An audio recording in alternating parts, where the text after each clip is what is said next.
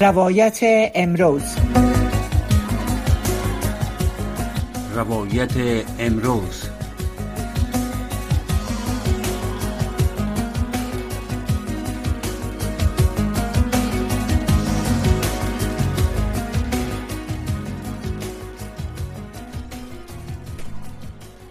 بینندگان و شنوندگان محترم سلام. به برنامه روایت این ساعت خوش آمدین.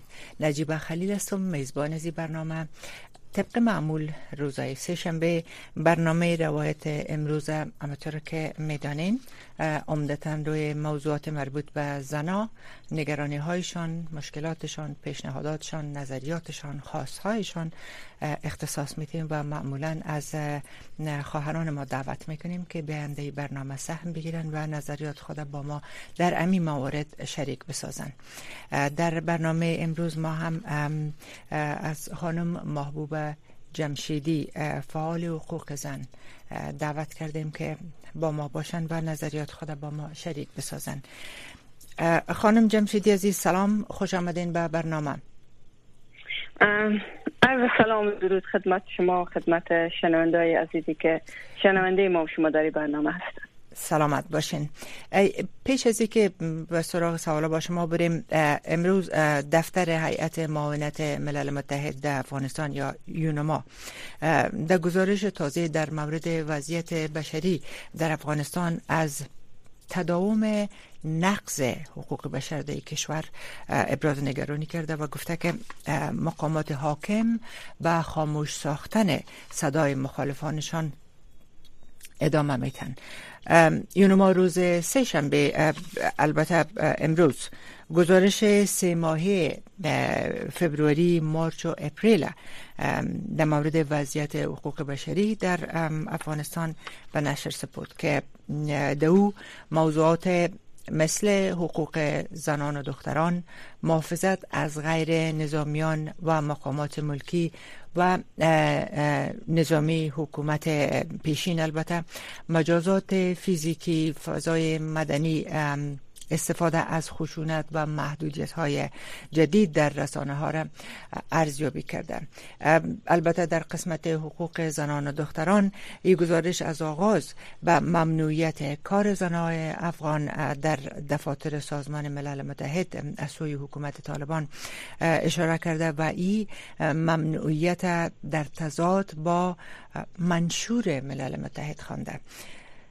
خب البته از بدو حکومت داری طالبان که تقریبا 19 ماه میشاله یا بیشتر از او. معلوم دارم طوری که همه آگاز مکاتب بالاتر از سنف شش مسدود بوده تا حال دانشگاه ها بسته شد. زنا اکثریتش دستشان از کار گرفته شد و حتی در آخرین یعنی در یکونی ماه پیشتر دو ماه پیشتر حتی زنایی که در نهادهای غیر انتفاعی در نهادهای ملل متحد کار می‌کردن که موجودیت از اونها بسیار ضروری بود. به خاطر رساندن کمک ها به خانه ها مثلا مردا اجازه ندارن که برنده خانه ها ببینن زنا هستن چی مشکلات دارن چی می‌خوان اینا. و زنا کار می‌کردن. اینا. و همواره انتقادات گزارش ها از نهادهای مختلف نهادهای معتبر جهان ملل متحد و نگه نهادها امی بوده که انتقاد کردن. و امیر مورد. ولی طالبا از اول تا آخر یعنی تا آخرین باری که من یک هفته پیشترم با سخنگوی طالبا مصاحبه داشتم در می ارتباط ازشان پرسیدم اونا کل شرط می‌کنن. اونا میگن که اینا اتفاقا نمیرم ازشان پرسیدم که آیا تمام این نهادهای معتبر جهان ملل متحد آقای ریچارد بنت تمام تمام این کسای دیگه همه فکر می‌کنین مخالفت داره با شما همه فکر می‌کنین که گزارش ها شده که میگن واقعیت نداره با شما خصومت داره یا چیزی؟ و او اونا به شکل امیر گفتن که همشان غرض آلود است. چون این چیز نیست رد کردن. ولی همونطور گفتیم شما خودتان شاهد, شاهد هستین می‌بینین. چی فکر می‌کنین؟ بالاخره در نهایت بین که از مشخص مثلا سر قسمت مکاتب دخترها دانشگاه اینا بگیم اونا میگن که ما کار می‌کنیم روی مکانیزم کار می‌کنیم و سرش بازگوشاییش کار جریان داره. آیا شما من خانم فعال که در افغانستان هم بسیار فعال بودین در قسمت بر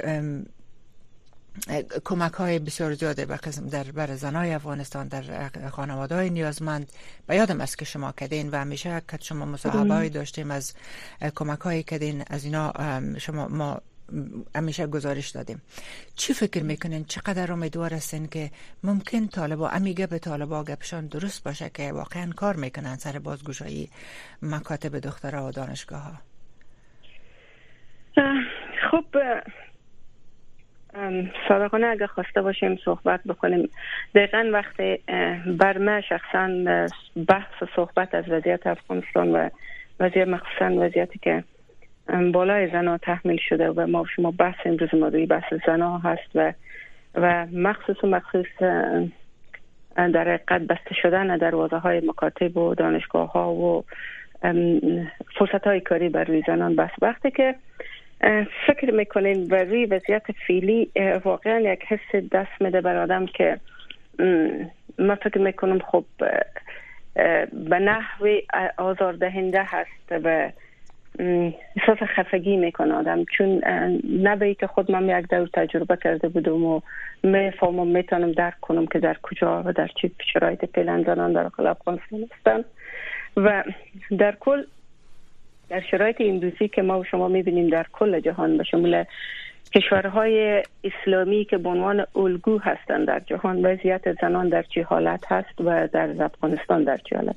خب این سوال گاهی پیش آدم خلق میشه. خب مهم زمانی که بحث از میشه که چرا زنان به مکتب نمیرن چرا در بازار مکاتب بسته شده روی دخترای بالاتر از سن تا ششم چرا با کار اجازه ندارم چرا به دانشگاه ها اجازه ندارم؟ خب یگانه موضوعی که بحث می‌کنن میگن طالبا میگن که مثلا موضوعات بحث ما روی مسائل نمی‌دانم موضوعات شرعی و دینی داریم و بس روی بله. که مسئولیت زنها چگونه تامین بشه که باید زنها در یک شرایط خوبی به مکتب برن و نمی‌دانم تفاوت هایی باید وجود داشته باشه از نظام قبل چی و فلان.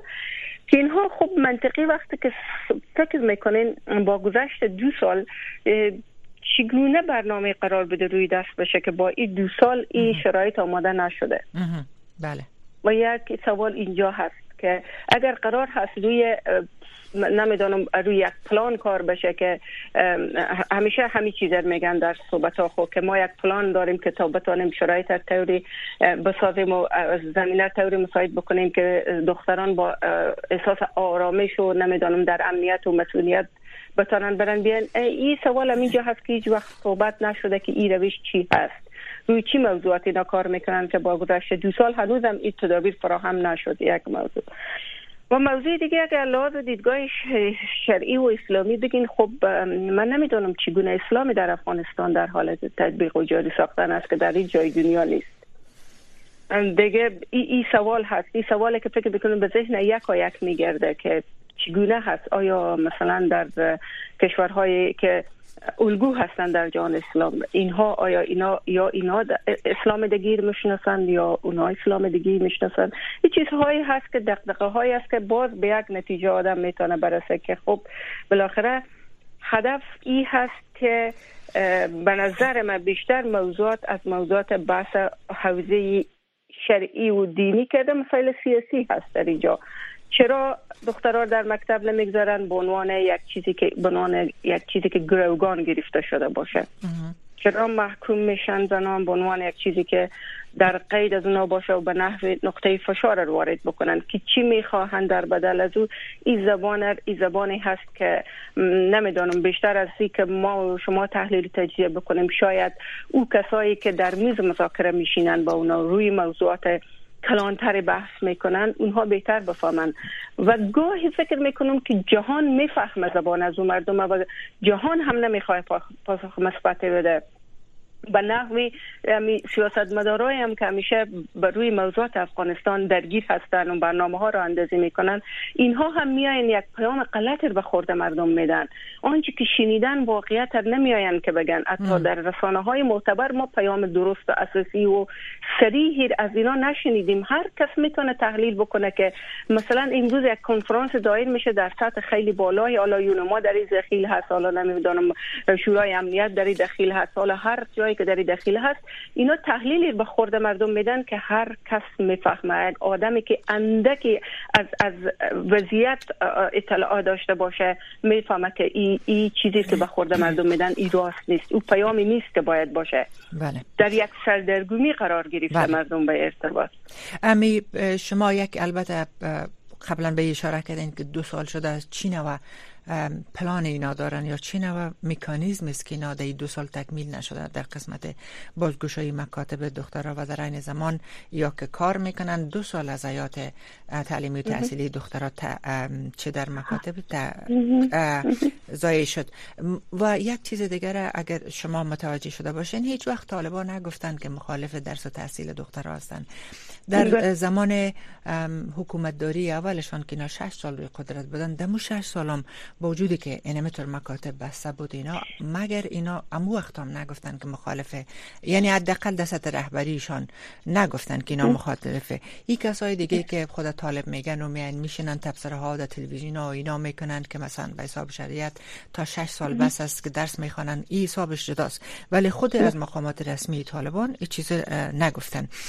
یک مسئله است. دیگه ای که امی ای پیشتر شما ای تبصره را کردین که بسیاری البته ای تبصره را شما هم شنیدین و بسیاری های تبصره را می‌کنن که خب البته یک مسئله شریعت که باز هم گفتیم که در شریعت هیچ سازگار نیست همی ادعا می‌کنن که نخوانن و 25 کشور بسیار عمده جهان اسلامی جهانه که شما, شما نام بردین امونا. کسایی بودن که طالبا را مورد انتقاد قرار دادن نقد کردن اینا را. به خاطر از روششان در برابر زنا و تا و دیگه مسئله ازی که گفتن که گروگان گرفته شده. اتفاقا گزارش دیروز از خانم های ولایت سمت شمال داشتیم که اینا میگن که دخترها و زنا اینا به همو مسئله تحصیل درس از اینا به حساب گروگان گرفته شده و اینا اصلا به شریعت ارتباط نداره سیاسی ساخته شده. یک چیز دیگر هم که شما اشاره کردین که اینا پیام درست نمیتن ممکن است این انتقادات شما هم شنیده باشین و البته ما هم با مقام های خود امریکایی در اینجا بحث کردیم سوال کردیم ازشان که گفته میشه که اینمی خود موجودیت طالبا یکی چه رقم اینا آمدن با نموت یک افغانستان هم یک اردوی قوی داشت دیگه داشت چطور تانستن سی هزار یا چل هزار طالب آمد با تفنگ و اینا قدرت گرفتن اینا انتقادات سرشان ایست که اینا در واقع خودشان آورده شدن. یعنی یک پروژه است که اینا آمدن و. اینا که اما در هر حال فعلا طالبا سر قدرت هستن. طالبا ای اداره می‌کنن که حقوق زنا را بیشتر از پیش ایره میشه. ما گفتیم که میگن بیشتر از پیش. برای حقوقشان برشان داده شده.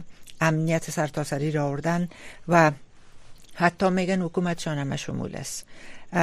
این مسائل و به می حساب میگن که باید اینا تمام شرایط را برآورده ساختن که باید به رسمیت شناخته شوند. ولی خب ناآرامی مردم مشنویم می‌بینیم. اتفاقا یکی از خانم های بسیار برجسته از دکی سابق ده پارلمان کار می‌کرد. اونا حتی ایره گفتن گفتن که ما از آمدن طالبان استقبال کردیم. در اولا گفتم او مسئله چور چپاول و اذیت آزار روی سرک که بود و کاهش یافت کم شد. ولی گفت آله که یعنی یک دو ماه پیشتر هم داشتن صحبت کردم گفت 18 ماه قدر که میگذره. گفت ما بوی مرگ تنفس می‌کنیم. هر روز مرگ به چشم می‌بینیم بوی مرگ تنفس می‌کنیم. مردم چنانچه با هر کسایی که با کسانی که صحبت میشه البته خود طالبان میگن که مردم راضی هستن مردم خوش هستن. ولی تا جایی که ما بشنویم همه سراسر شکایت است. از زنا از مردا اینا. همیشه این سوال ما طرح کردیم که چرا طالبان به مردم خود گوش نمیتن و با این شکل که مردم ناراض هستن چی فکر می‌کنن؟ آیا اینا می‌تونن به زور و به فشار مردم بقبولانن که قبولشان کنه و اینمی حالت تحمل کنه؟ ایره یا ای که به چی وقت یا ای که ایره واقعا فکر می‌کنن که اگر مردم نارام باشه ما دوام نمی‌کنیم. اگر چنین فکر کنن آیا فکر نمی‌کنن پلیسی خود باید تغییر بتن بله. اصل نقطه ای که تبدیل شده به یک معمایی که در ذهن هر یک نفر فکر می‌کنه می خطور می‌کنه و ما به عنوان یک کسی که از بزرگ شده و پرورده از خاک و از وطنم و هر کدام ما و شما این هست اصل که موضوع افغانستان تبدیل به یک معمای سیاسی شده که هیچ هیچ وقت همو کلید از هیچ هیچ یک از سیاسیون جهان که کسایی که در طراحی از این برنامه و از این حرکت در دست داشتن طراحان اصلی بودن هیچ وقت همو کلید و جواب درست حتی در یک اشاره هم برای مردم نمیدن. من در یک جای از آقای خلیلزاد خوانده بودم فکر کنم که یک سال پیش بود که وقت بودم وقت که دقدقه های باز شدن بسته شدن موقت در شروع بسته شدن موقت بود و برای یک بله. مدت موقت مکاتب بسته میشه و باز پس بازگوشایی خواهد شد من در یک جای حال دقیقا یادم نیست از آقای خلیلزاد خواندم که چیزی نوشته بود که بسته شدن مکاتب دختران باید دقیقا امو چیز از ادبیات از یادم نیست. یعنی منظور از این بود که این موقتی نیست. این شاید برای طولانی مدت باشه. من یک چیزی خوانده بودم. این چی میرسانه برای ما؟ این برای ما میرسانه که این افرادی که دخیل هستن این افرادی که در سرنوشت افغانستان دخیل بودن این افرادی که دو سال چانه کردن میلیون ها دلار مصرف کردن روی مذاکرات صلح و توافق بین نمی‌دانم توافق بین کشوری و بین المللی و دیگه دیگه. اینها به نحو اطلاع دارن آگاه دارن. از او اوایل میفهمیدن که بسته شدن موقتی نیست. خب ببینیم اما در جاه جاهی درس می‌کنه این صحبت ها نه پیام واضح یک نوع یک نوع فریبی که مردم رو میدن. اما خب شما سوال شمایی بود که اینها آیا وقتی که در به این فکر هستن که مردم ناراضی میشه از اینا و, و اینا می‌تونن دوام پیدا بکنن. ببینیم نظام جمهوریت هم مشکلات عدیده خود خود داشت مشکلات بسیار مکتی بودم که خب در بین مشکلات بودم می‌دیدم چقدر مشکل داشت. با آمدن از این گروه حاکم شدن از اینا در افغانستان ترس و حراس در دل مردم بود به دلیل از که یک دور دیگه تجربه شده بود وضعیت خفقان. اما مردم از بس که به تنگ آمده بودن از مسائل ناامنی رشوت و هزار هزار مسئله دیگه فساد مالی و دیگه و دیگه می‌گفتن گویا ما امیدوار هستیم که یک امنیت در کشور تامین خواهد شد یک فضایی بر مردم تامین خواهد شد که حداقل بتونن یک لقمه نان به دست بیارن در یک فضای آرامی با دور فامیل و خانواده بشینن که توقع انتظار مردم همین بود که در این حد سخت گرفته نشه برای مردم. اما اینا سخت گرفتن. سخت برازی گرفتن که 50 فیصد نفوس جامعه حذف کردن از جامعه. و این ای موضوع نهایت مهم اساسی. وقتی 50 فیصد نفوس جامعه نیم بدن جامعه فلج باشه بله. خب نیم دیگه هم به نحو ارتباط داره. این مسئله هست. و ای که اینو به رضایت مردم آیا اینا می‌خواین دوام بیارم نیارن. صادقانه بگم پیش ما همین سوال هست که آیا هدف هدف خدمت به مردم هست یا هدف تنگ ساختن مردم است این دقیقا پیش ما یک سوالی است من نمی‌تونم این سوال تا جواب پیدا نکردم که, که چی هست. آیا یا همین رقم دیزاین شده که باید همین همین رقم ساختار همین از شروع اساسه که کسایی که دخیل بودن در ازی همین رقم ساختار همین برنامه همین رقم بوده که باید مردم به همین تحت فشار قرار بگیرن؟ بله. و نهایت چی می شود این چیزی است که به ذهن ما سوال ما جواب متاسفانه پیدا کرده نتونستم بله و می موضوع ما همیشه ایره گفتیم که یک پایه های یک حکومت همیشه استوار است بر حمایت مردمش. رضایت و رضایت مردم. رضایت مردم بله. وقتی که مردم ناراض باشه وقتی که مردم داد از ظلم و استبداد می‌زنن. هر روز شما با خانم ها مخصوصا همونطور که شما گفتین نصف قشر جامعه وقتی که نصف قشر جامعه گفته شما فلج می باشه این تاثیر بسیار ناگوار سر اقتصاد خود خانواده ها داره که فقط مثلا ایواد به جای که دو نفر کار کنه دو آید داشته باشه فقط یک نفر کار می‌کنه. و او به مشکل می‌تونه که برسانه.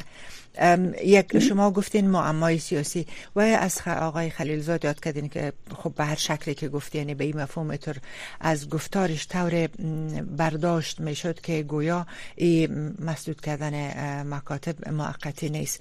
ولی شما عالمه فهمین که جامعه جهانی همیاله که طالبا را به اصطلاح قایم گرفته کم گرفته سر از که شما در گرچه که او توافق نامه دوها همطور که شما می‌فهمین دنیا می‌فهمه که یک مقدار موضوعات مندرجش افشا شد گفته شد برای کلگی که سری مسائل صحبت کردن اما یک مقدار دیگهش نشده که به حالت سری باقی مانده. خب این حال برحال آنچه که سیریس حسابش میمانیم به جای. اما فعلا جامعه جهانی سرزی بار بار در دو سال میگه گفته که شما در توافقنامه دوها گفتین که حکومت هم شمول می باشه به حقوق مردم افغانستان به خصوص زنا و اقلیت ها احترام قائل میشین. امی دو موضوع را محکمشان گرفته که شما اینی دو مسئله بود دو توافق کردین امضا کردین. حال امور شما نقص کردین. نقص می‌کنین. حکومتتان همه شمول نیست. همه شمول به این مفهوم نیست که ما یک هزارام داریم در این حکومت خود. ما یک پنشیریام داریم. ما یک چند نفر تاجیک داریم. همه شمول به این مفهوم که با کسایی که غیر طالب باشه. دیدگاه متفاوت باشه از دیگه گروه ها و گروپ ها باشه. از اینا یعنی همه او کسایی که یک هزار است مثلا در حکومت طالبان اما طالب از خودش. او را همه شمول حساب نمی‌کنن. همه شمول کسی است که دیگه افراد دیگه گروه ها با طرز دید با عقاید مختلف بر از اونا فرصت داده شود. ایره سو بنان هر آنچه که بازم میگم که در او توافق نامه بود و مسائلی که در جست سریس ولی این مسائل خوب روشن است. و به می خاطر هم اینا رو ما کم گرفتن و میگه که ما تا زمانی که شما همی احترام به حقوق بشر حقوق زنا اینا را مراد نکنین مکاتب باز بله. نکنین به زنا اجازه کار ندین تا زمانی که حکومت تانم شمول نباشه. امیر کلگی محکم گرفته. حتی کشورهایی که طرفدار یعنی تعامل بله. داره با طالبا مثل چین روسیه مثلا پاکستان اینا. همینا هم میگه می‌زنه. بله بس اینجا هست نجیب جان گاهی واقع بینانه بگم شاید مورد انتقاد برخی ها به شدت قرار بگیرم. گاهی من پیش خود خود فکر می‌کنم آیا طالبان خود از اونا به نحوی قربانی نیستن؟ ببینید این به ذهن من میگرده آیا خود طالبان به نحوی قربانی نیستن؟ به خاطر از اینکه بیایم اگر منطقی فکر بکنیم وقتی یک گروهی میای در یک کشور حاکم میشن به هر نه مردمی که تشنه صلح تشنه امنیتن باور کنین به هر کسی که یک فضای تامین امنیت بکنه و یک لقمه نان بر او مردم بدبخت از کشور فراهم بکنه بله. به او فرمان برداری می‌کنن از او حمایت می‌کنن. و این گروه آمدن امروز وقتی حاکم شدن. گاهی فکر می‌کنم منطقی. آیا نه گاهی فکر نکردن که در باز شدن دروازه مکاتب بروی دختران و دانشگاه ها و کار چی می‌تونه ضربه به اونا برسانه که اینقدر مردم باید از خود ناراضی نگاه دارن؟ و این یک چیز اندکی هست. فقط همین اجازه داده شد کشور کشور اسلامی هست. همیشه کشور کشور اسلامی بوده. همیشه زنان پایبند قوانین شرعی و اسلامی بودن با حجاب بودن با الفت بودن می‌رفتن میامدن هیچ وقت چیزی خارج از اون نبوده. و به حالا با یک نوع حتی سختگیرانه تر که اینا گرفتن بازم مردم به او راضی هست. اما این ای هیچ خلایی در حکومت داری و از اینا در نظام از اینا ایجاد نمی‌کنه. اما مردم هم می‌تونه خیلی راضی نگاه داره. با مردمی که ناراضی بودن از حکومت پیشین و مردمی که به تنگ آمده بودن از مسائلی که حاکم بود حالا خیلی زود می‌تونن که حمایتگر باشن. چرا اینها این کار نمی‌کنن؟ سوال اینجا هست. آیا اینا همی, همی در حد توان چه رقم صلاحیت از اینا هست که اینا نمی‌کنن؟ و یا به نحو اینها هم خود از یک گروه قربانی هستن. اتفاقا امی سوالی که در ذهن شما خلق شده. البته این سوال بسیار کسای دیگه مطرح کرده و بسیار کسا به این عقیده هستند که میگن طالبا خودشان قربانی هستند. و امی مسائلی که مسدود شدن مکاتب دخترها و زنا که اجازه کار ندارن من بازم میره می‌خوایم که تاکید کنم بگویم که وقتی که با طالبا صحبت می‌کنیم اونا میگن زنا کار می‌کنن. یاله مثلا در شفاخانه هستن در وزارت داخله یا حتی در میدیا که مطبوعات در اما یک فیصد فیصدی بسیار کمه فیصدی بسیار کم و همچنان باید در رسانه ها کسایی که از همشان باید ماسک بپوشن که دقل وقتی که ماسک میپوشه امیر خود میگن اسلام ای خب ای گپا نگفتم و چهره هر کس هویت یک انسان است درست است که سر باشه به حساب دین اسلام موی باید پوچانده شود پت باشه. اما چهره هویت هر انسان است زن است چی زن است یا مرد. و یا اونا میگن که زنا کار می‌کنه و مکاتب هم سرش. ولی ما ایره می‌تونم بگویم به صراحت که با اکثریت کسایی که صحبت می‌کنم امی از خود طالبا. اکثریتشان طرفدار بازگشایی مکاتب دخترها هستند از امی وضعیت فیلی خودشان هم خوش نیستن. برای که و ایره درک می‌کنن که ای به نقصشان تمام میشه. همی که مکاتب نصف گفته شما نصف قشر جامعه کنار زده شده. و اینا اجازه کار ندارن. و سر اقتصاد تاثیر منفی کرده سر تمام مسائل. ای دست اما ای که دست رهبریت چی فکر می‌کنن؟ پیششان واقعا چی هسته و اگر ادعا میشه که گروگان گرفته شدن مردم خوده یک حکومت مردم خوده گروگان می‌گیره. و چرا وقتی که می‌فهمن وقتی که جامعه جهانی اینا رو میگن که شما باید حقوق زن مراعات کنین حقوق دخترها مکاتب باز کنین و حکومت هم شمول بسازین ما شما رو به رسمیت می‌شناسیم. خب از اینا چیز مهم به رسمیت شناختن است. چرا کس چرا میکارن نمی‌کنن؟ که مهمتر اموز که اینا از تمام کمک ها. و یک چیز دیگه هم گرچه که هفته پیشتر کنفرانسی که بود بالاخره ملل متحد نهادهاش تصمیم گرفتن که در افغانستان باشن. اما کمک ها را گفتن که محدود ساخته میشه. خب اینا کلش به آیا به ضرر طالبان نیست؟ بله چرا نه؟ بحث سرمی هست که من پیشتر به شما گفتم که این مثل یک معمایی هست که جواب از این پیش خیلی کسان نیست که چی پشت پرده چی جریان داره. ما مطمئنا نمی‌تونن این گروه هم در این حد نمی‌تونن که سرسری تا ببینن در این حد قوه تحلیل تجزیه پیشون وجود نداشته باشه که یعنی به هر نحوی به ضرر خود خواهم حتی که شده باید که اینا چی بکنن مقاومت بکنن برای که چیزی که حتی به ضرر خود از اونا هست. ببینیم دو سال هست که اینا جامعه جهانی به رسمیت نشناخته کمک هایی که باید به افغانستان می‌شد نشد خود اینا در تگنای اقتصادی قرار گرفتن. نه این مشکلات در حکومت داری خود خود خود اینا تجربه کردن و ضرر بیشتر را مردم بدبخت دیدن. اما چرا اینا هنوز هم پایبند هستن؟ که باید این کارهایی که خیلی مهم است چیزهایی که جامعه جهانی روی از او اساس چرا کار باید اینا نکنن. دقیقا نقطه روی حساسیت های می‌گذارن. دنیا می‌خواه او بشه و اینا میگم نه. چرا اینا یک طرف دنیا هستن و دنیا کلا یک طرف؟ بله. یک یک یک سوال خیلی هست که من مثلا میگم اون قضیه خیلی زیاد هست. و کیها می‌خواین؟ من باز همه تاکید می‌کنم که از نظر من از تحلیل من از اوزه صلاحیت خود از اینها بیرون هست. خانم محبوبه جمشیدی یک جهان تشکر از وقتتان که در اختیار برنامه گذاشتین.